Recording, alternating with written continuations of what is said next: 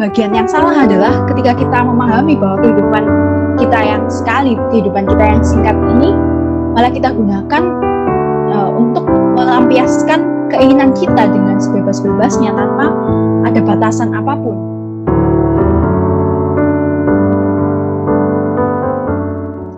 Halo semuanya, bagaimana kabarnya nih? Uh, meskipun di tengah-tengah pandemi, uh, kalian tetap setia akan mendengar kita podcastnya UK3. Nah, di sini kita udah kedatangan tamu lagi nih. Siapa? Boleh perkenalan diri dulu dong. Shalom, teman-teman pendengar setia podcast UK3. Perkenalkan, nama aku Ahimsa dari PDFST Angkatan 2017. Hai Ahimsa. Nah, tadi kan Ahimsa udah perkenalan. Aku nih lupa perkenalan. Kenalin dulu, nama aku Christine dari PDFKM dari UK3 juga. Nah, uh, teman-teman, kemarin kan kita udah mendengar nih, bagaimana sih tentang apakah hidup kita berharga, tapi sekarang kita juga mau mendengar hal yang tidak kalah pentingnya, yaitu apakah kita benar-benar merdeka. Indonesia kan udah merdeka nih. Indonesia sudah merayakan kemerdekaannya di usia 75 tahun tanggal 17 kemarin. Nah, di tanggal 17 kemarin, Indonesia menyatakan dirinya bebas dari penjajahan. Nah, aku juga mau tanya nih ke Ahimsa. Penjajahan itu yang seperti apa sih? Dan Ahimsa ingat nggak kira-kira siapa aja bangsa-bangsa yang pernah menjajah Indonesia? Um, kalau ditanya penjajahan itu kayak gimana, yang pasti menderita ya. Pasti nenek moyang kita dulu yang dijajah oleh bangsa-bangsa lain sangat menderita karena mereka harus bekerja rodi, bekerja sangat keras tanpa diberi upah apa pun. Ya pasti yang namanya dijajah kita merasa sangat menderita. Terus eh, bangsa-bangsa yang menjajah bangsa Indonesia itu uh, seingatku ya, yang pertama dulu Portugis ya, yang datang ke Indonesia, kemudian dijajah oleh Belanda selama 350 tahun. Setelah itu ada Jepang yang menjajah Indonesia selama tiga setengah tahun. Nah, terus akhir-akhir ini nih, yang paling menarik, kayaknya kita dijajah lagi deh, Tim. Tapi kita dijajah opa-opa ganteng ini dari Korea. Ya gak sih? so, K-pop. Nah, iya ya, di tengah-tengah pandemi ini apalagi, pasti dari setiap kita biasanya nih Ahimsa juga, aku juga menghabiskan waktunya buat nonton drama, menonton uh, siaran-siaran yang rata-rata juga dari Korea kayak gitu, yang biasa kita sebut K-pop. Nah, aku mau tanya nih ke Ahimsa, kira-kira apa sih bedanya perbudakan atau penjajahan zaman dahulu dan zaman sekarang? Pada dasarnya perbudakan zaman dahulu sama sekarang ya sama aja ya. Pasti menderita, nggak bebas, dan perbudakan berarti kita terikat dan tunduk pada suatu pihak secara terpaksa demi keuntungan pihak yang lain. Dan dalam perjalanannya pun pihak yang diperbudak akan dirugikan oleh pihak yang diperbudak. Dan kalau kita bawa ke dalam konteks bangsa Indonesia, yang dulu kita diperbudak oleh bangsa Portugis, Belanda, Jepang, kemudian ya sekarang kita juga masih belum terbebas loh sebenarnya dari perbudakan. Dan bahkan bisa dibilang kita sekarang sedang dijajah oleh bangsa kita sendiri dengan masih banyaknya praktek korupsi, ketidakadilan, dan bahkan kurangnya nilai toleransi di dalam bangsa kita sendiri. Nah, apalagi nih isu yang saat ini sedang dialami oleh seluruh orang di dunia ya, yaitu pandemi COVID-19. Bagaimana umat manusia saat ini sedang diperbudak, ditundukkan oleh virus yang ukurannya begitu kecil, yang bahkan kita nggak bisa melihat dengan mata telanjang, tapi sudah merubah tatanan kehidupan dunia, kehidupan manusia dengan begitu rupa, dengan begitu drastis. Sehingga kita sudah nggak bisa lagi beraktivitas dengan bebas, tidak bisa lagi melakukan segala hal yang kita inginkan tanpa ada ketakutan, tanpa ada rasa uh, was-was akan virus uh, corona ini ya. Hmm, iya sih. Pasti setiap kita takut ya buat keluar rumah, buat uh, melakukan aktivitas lagi kayak gitu. Nah, aku juga mau tanya nih Kak Haisa. Apa sih definisi dari kemerdekaan itu sendiri? Nah, apa ya? mau berdasarkan apa dulu nih? Uh, kalau saya uh, ambil dari KBBI aja ya. Kalau menurut KBBI, definisi kemerdekaan itu bebas dari perhambaan, penjajahan, ya perbudakan dan lain sebagainya. Dan berarti kita bisa berdiri sendiri, tidak terikat dan tidak bergantung kepada orang atau pihak tertentu. Nah, itu dari KBBI. Kalau menurut Kristen sendiri gimana? Apa arti kemerdekaan buat Kristen? Kalau arti kemerdekaan menurutku nih, itu ketika kita bisa melakukan segala sesuatu dengan bebas. Kayak gitu sih. Nah, menarik ya. Kalau kita bisa melakukan segala sesuatu dengan bebas ya. Uh, kalau kita lihat orang-orang di sekitar kita yang bebas untuk mengkonsumsi narkoba, bebas untuk uh, main video game sepuas mereka, bebas untuk nggak belajar, nggak bekerja, malah akan terbelenggu oleh kebebasan itu sendiri kan ya. Orang yang ketagihan, orang yang baik mengkonsumsi narkoba akan adiktif, akan ketagihan oleh obat-obatan. Orang yang mungkin main video game sepuas hati mereka, pada akhirnya video game itu membelenggu mereka, mengikat mereka sehingga nggak bisa lepas ya. Banyak eh, anak-anak uh, di negara-negara maju, bahkan di negara kita juga, yang nggak bisa terlepas dari video game mereka sampai ya mereka nggak mau sekolah, nggak mau makan, nggak mau minum, malah terkungkung, terbelenggu oleh video game itu sendiri. Sehingga kebebasan yang harusnya ingin kita kejar supaya kita bisa memperoleh kebahagiaan ya, malah menjadi batu sandungan bagi diri kita sendiri, malah membelenggu dan mengikat diri kita sendiri. Lalu, apakah mereka berada dalam kebebasan yang sejati dalam keadaan yang seperti ini? Dan apa sih kira-kira definisi kebebasan yang paling benar? karena ada banyak gitu ya definisi kebebasan. Lantas, apakah hal itu membuat kebebasan menjadi relatif gitu ya, Tim? Mungkin kita akan bahas uh, sedikit banyak melalui podcast kali ini. Dan di sini kebebasan itu bukanlah ketidakbertundukan. Ya, menurut Richard Bauckham gitu ya. Sebaliknya, kebebasan sejati adalah bebas dari keterpikatan terhadap konsep bebas yang palsu dari dunia. Nah, gimana itu? Hmm, aku juga penasaran sih sama hal itu. Uh, aku pun juga mau tanya ke Himsal. Kan setiap manusia punya kecenderungan. Nah, tapi kenapa manusia itu punya kecenderungan untuk memiliki kemerdekaan? Jika seperti itu tuh gimana sih kira-kira? Ya wajar ya kalau kita memiliki kecenderungan untuk pengen bebas, untuk pengen merdeka. Karena ya kehendak bebas itu sendiri dianugerahkan oleh Allah yang menciptakan kita.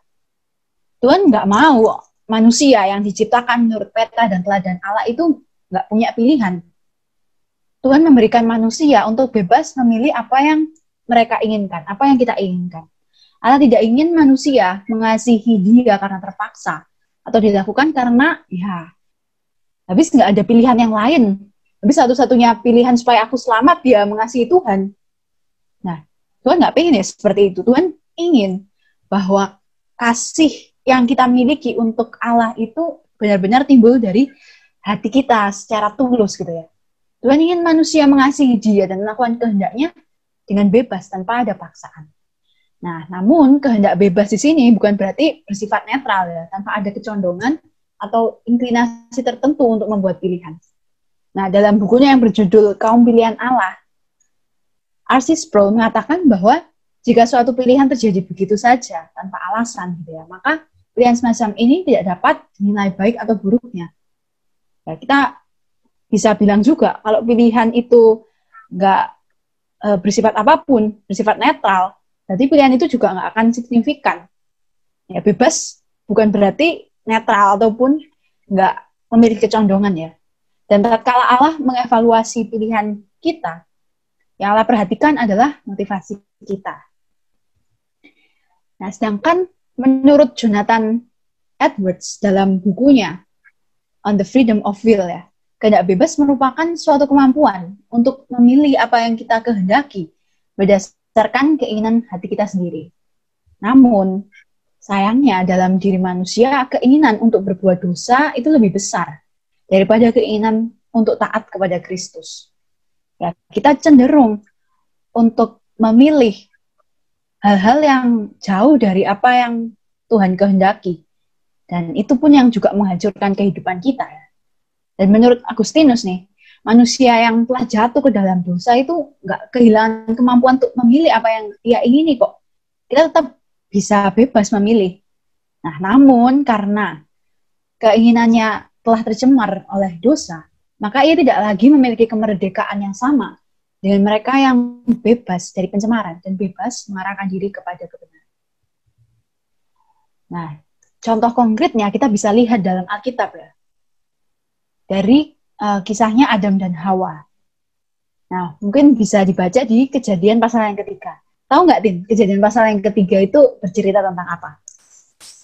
Hmm, tentang kejatuhan manusia dalam dosa. Iya, benar. Jadi di situ kita bisa lihat ya, bagaimana uh, pada awalnya Tuhan itu menciptakan bumi dan segala isinya begitu baik. Tuhan menempatkan manusia di Taman Eden yang begitu indah, semua kebutuhan manusia dicukupi. Lalu manusia memiliki hubungan yang begitu indah, begitu lekat dengan Allah sebelum jatuh ke dalam dosa. Ya, nggak ada penderitaan, nggak perlu uh, dengan susah payah untuk mengerjakan ladang sehingga kita bisa makan, karena semuanya sudah disediakan oleh Tuhan di Taman Eden.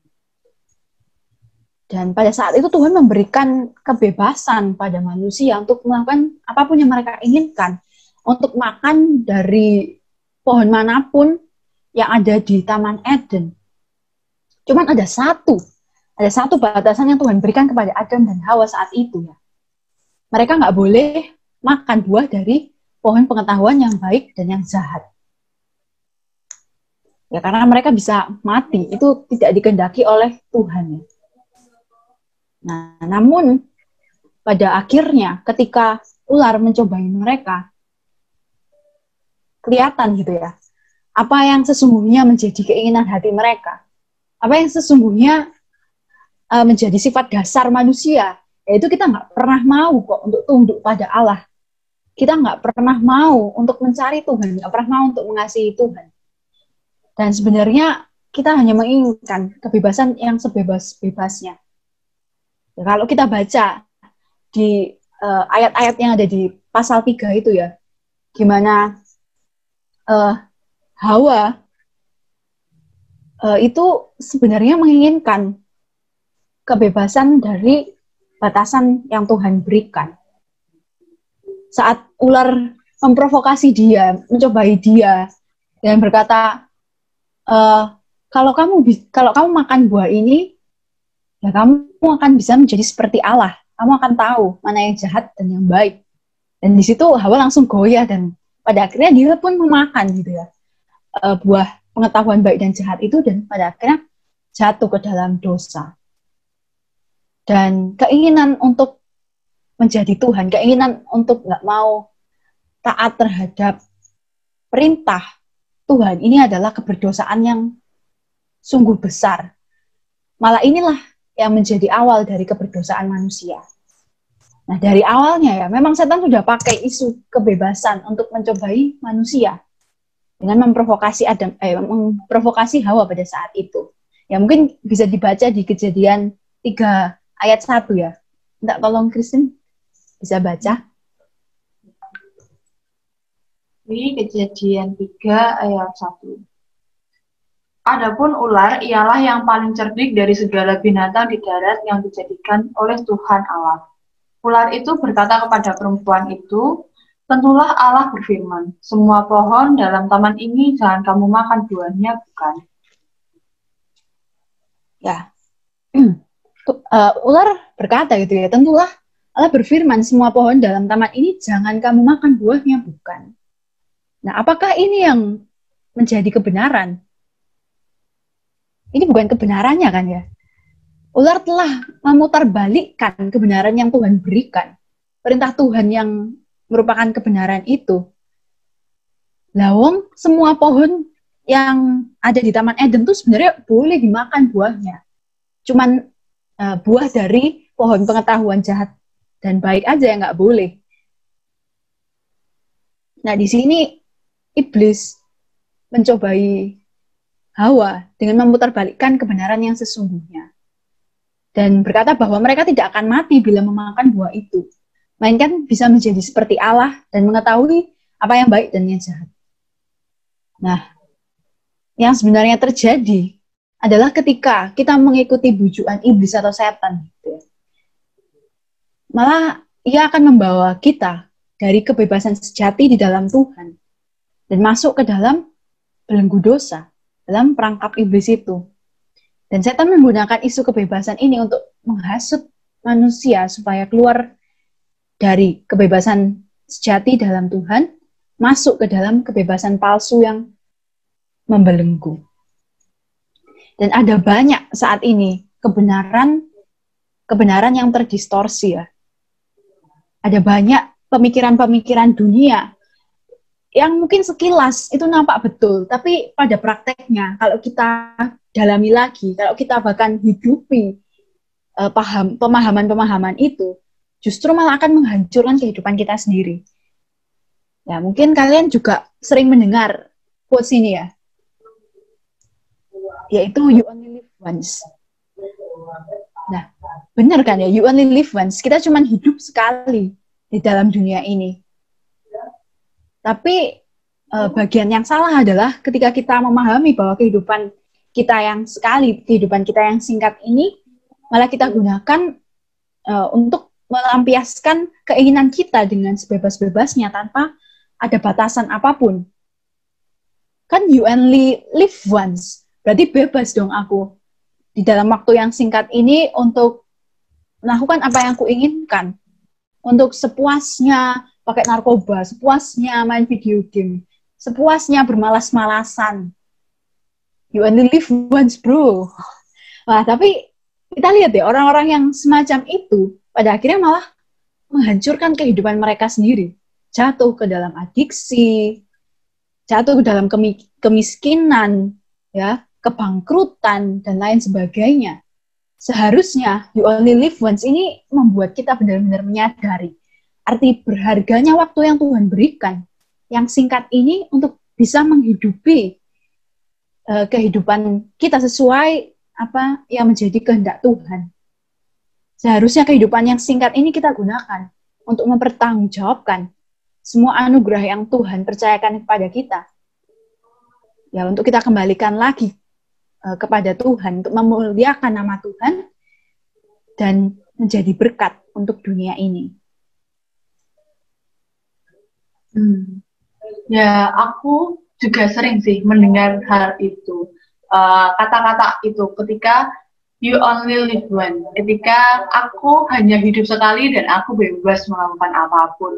Nah uh, aku sendiri sebagai manusia sebagai orang-orang awam pada umumnya tuh kadang-kadang berpikir bahwa oke okay, aku hidup cuma sekali dan aku sudahlah aku bebas melakukan segala pun yang yang aku inginkan seperti itu tetapi uh, sebenarnya apakah kita itu boleh atau dapat berbuat sekehendak hati kita di dalam kemerdekaan yang sudah diberikan ini.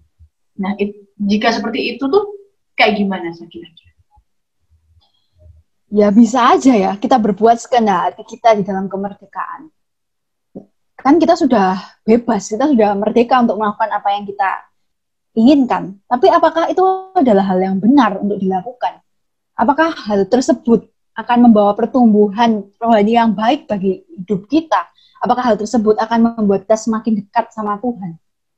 Nah, itu yang perlu kita terus renungkan gitu ya dalam setiap langkah kehidupan yang kita ambil.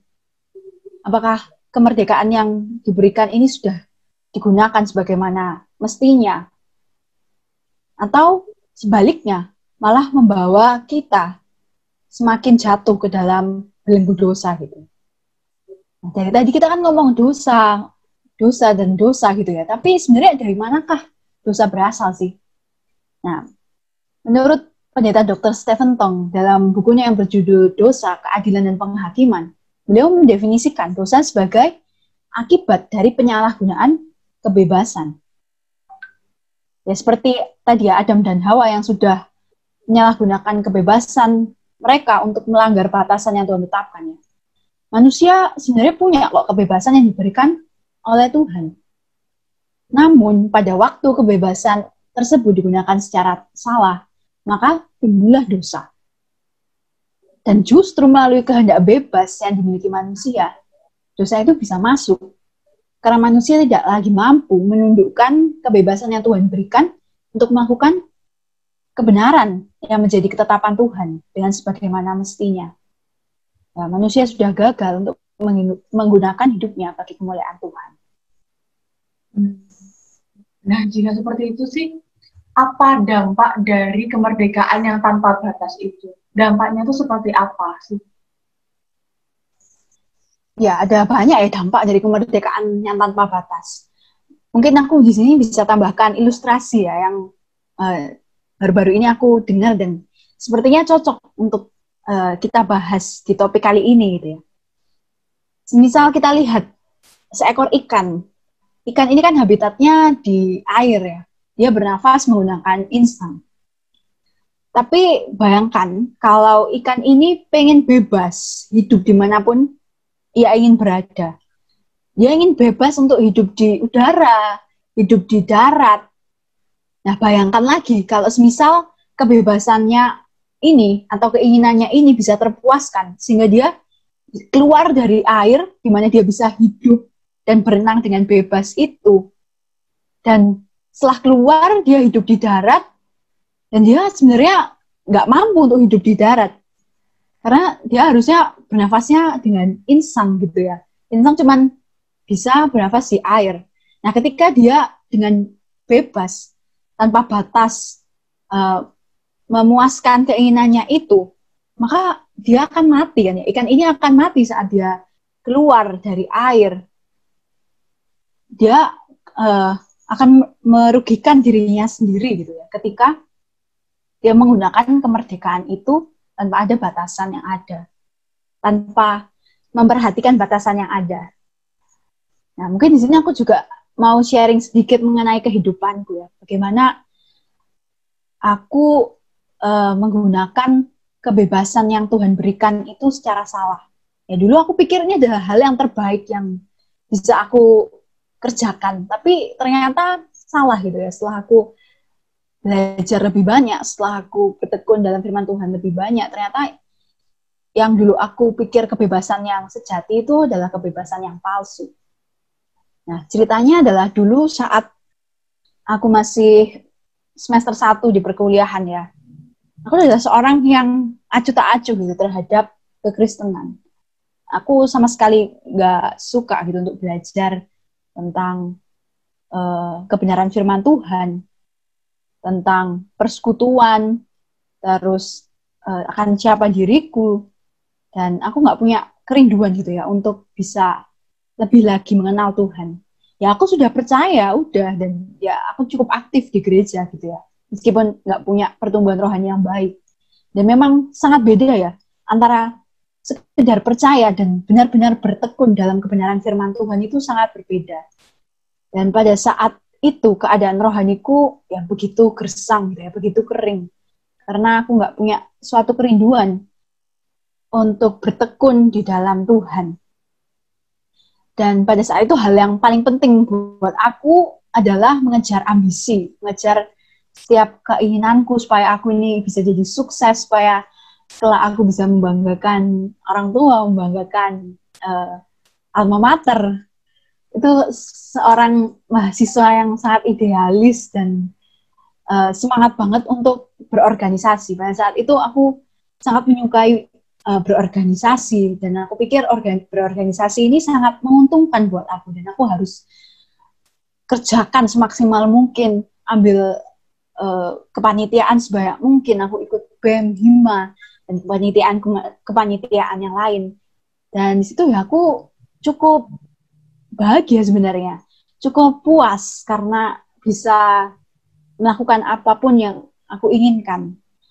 Nah, tapi celakanya aku melupakan apa yang benar-benar menjadi kewajibanku sebagai seorang mahasiswa, yaitu harusnya aku belajar.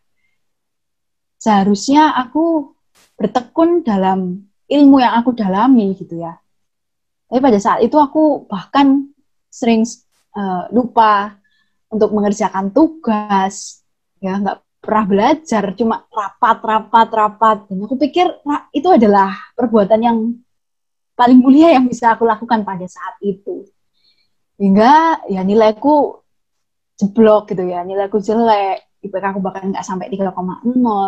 Dan ya pasti orang tua aku sangat marah ya pada saat itu. Dan puji Tuhan untuk masih boleh disadarkan kembali. Tuhan masih mau menyeret aku dari belenggu keberdosaan itu. Tuhan masih mau beranugerah dan uh, menyatakan diri kepada aku aku masih uh, bisa belajar tentang kebenaran yang sejati itu seperti apa boleh mengenal Tuhan Yesus sebagai satu-satunya Tuhan dan Juru Selamat dalam hidupku.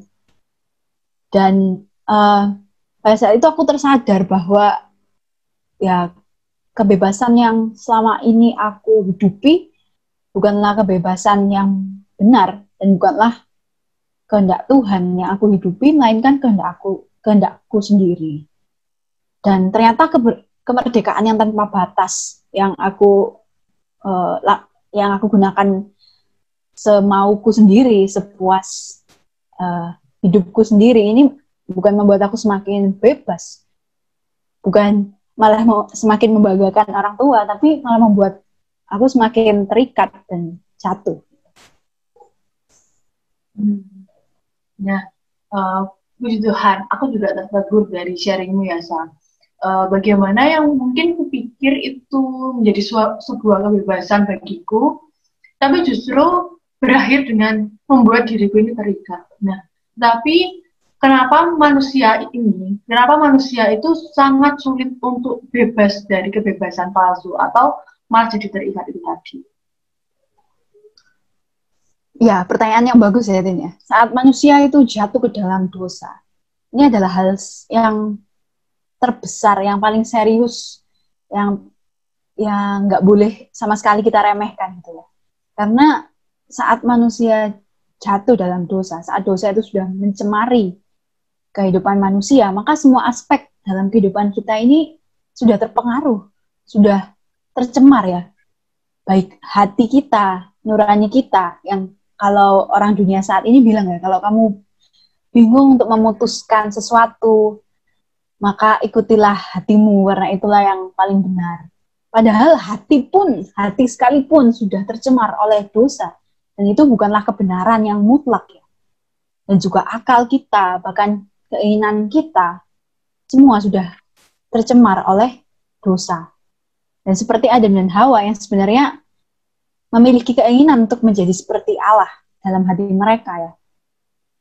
Ya demikian juga tidak ada manusia berdosa yang dari keinginan hatinya sendiri mau mengasihi dan tunduk kepada Allah manusia berdosa yang sudah terbelenggu dalam dosa, termasuk pengertian akan kebebasan dan keinginan kita ini sudah rusak ya. Kita nggak punya pemahaman yang benar untuk menggunakan kebebasan. Bahkan kita menggunakan kebebasan dengan sebebas-bebasnya hanya untuk memuaskan keinginan diri kita sendiri yang berdosa, yang bukan membawa kehidupan ini semakin serupa dengan Tuhan Yesus, semakin berkenan kepada Tuhan, namun sebaliknya yang terjadi, kehidupan kita semakin hancur dan jauh dari kemuliaan Allah. Hmm, jika seperti itu, apakah dengan kita berbuat benar, kita bisa mendapatkan kemerdekaan itu? Ya, tentu saja tidak ya. Kalau kalau mungkin kita lihat ya, ada banyak orang yang beranggapan bahwa dengan kita berbuat baik, itu bisa menebus perbuatan jahat yang sudah kita lakukan. Atau konsep timbangan ya, suatu saat ketika kita meninggal dunia nanti di depan gerbang surga dan neraka akan ditimbang gitu ya, pahala atau perbuatan baik uh, dengan perbuatan jahat kita gitu. kalau perbuatan baiknya lebih uh, banyak atau lebih berat dari perbuatan jahat, maka kita bisa masuk ke surga. Namun sebaliknya saat perbuatan jahat itu lebih banyak, lebih berat daripada perbuatan baik, maka kita akan masuk neraka. Nah, hal ini sama sekali nggak betul ya. Karena untuk kita bisa bebas dari belenggu dosa, itu hanya bisa dilakukan oleh karena anugerah dan belas kasihan Allah semata gitu ya. Kalau Allah adalah kasih dan adil, maka dia juga nggak mungkin membebaskan kita dari belenggu dosa secara cuma-cuma. Harus ada suatu penebusan yang dilakukan Yesus Kristus sehingga manusia berdosa ini boleh dibenarkan oleh Allah. Nah, uh, dari sini ya teman-teman kita dengar bagaimana sih tentang uh, hidup kita, tentang apakah manusia itu bisa bebas dari uh, dari kebebasan palsu, apakah dengan uh, dengan hidup benar saja kita bisa hidup dalam kemerdekaan atau bisa mendapatkan uh, kemerdekaan itu. Nah, teman-teman di part selanjutnya nih kita bakal mendengar apakah dengan uh, percaya saja kita bisa bebas dari kemiskinan, penderitaan dan hal, banyak hal seperti itu. Nah, uh, teman-teman jangan lupa dengerin part 2-nya ya dan disembunyikan.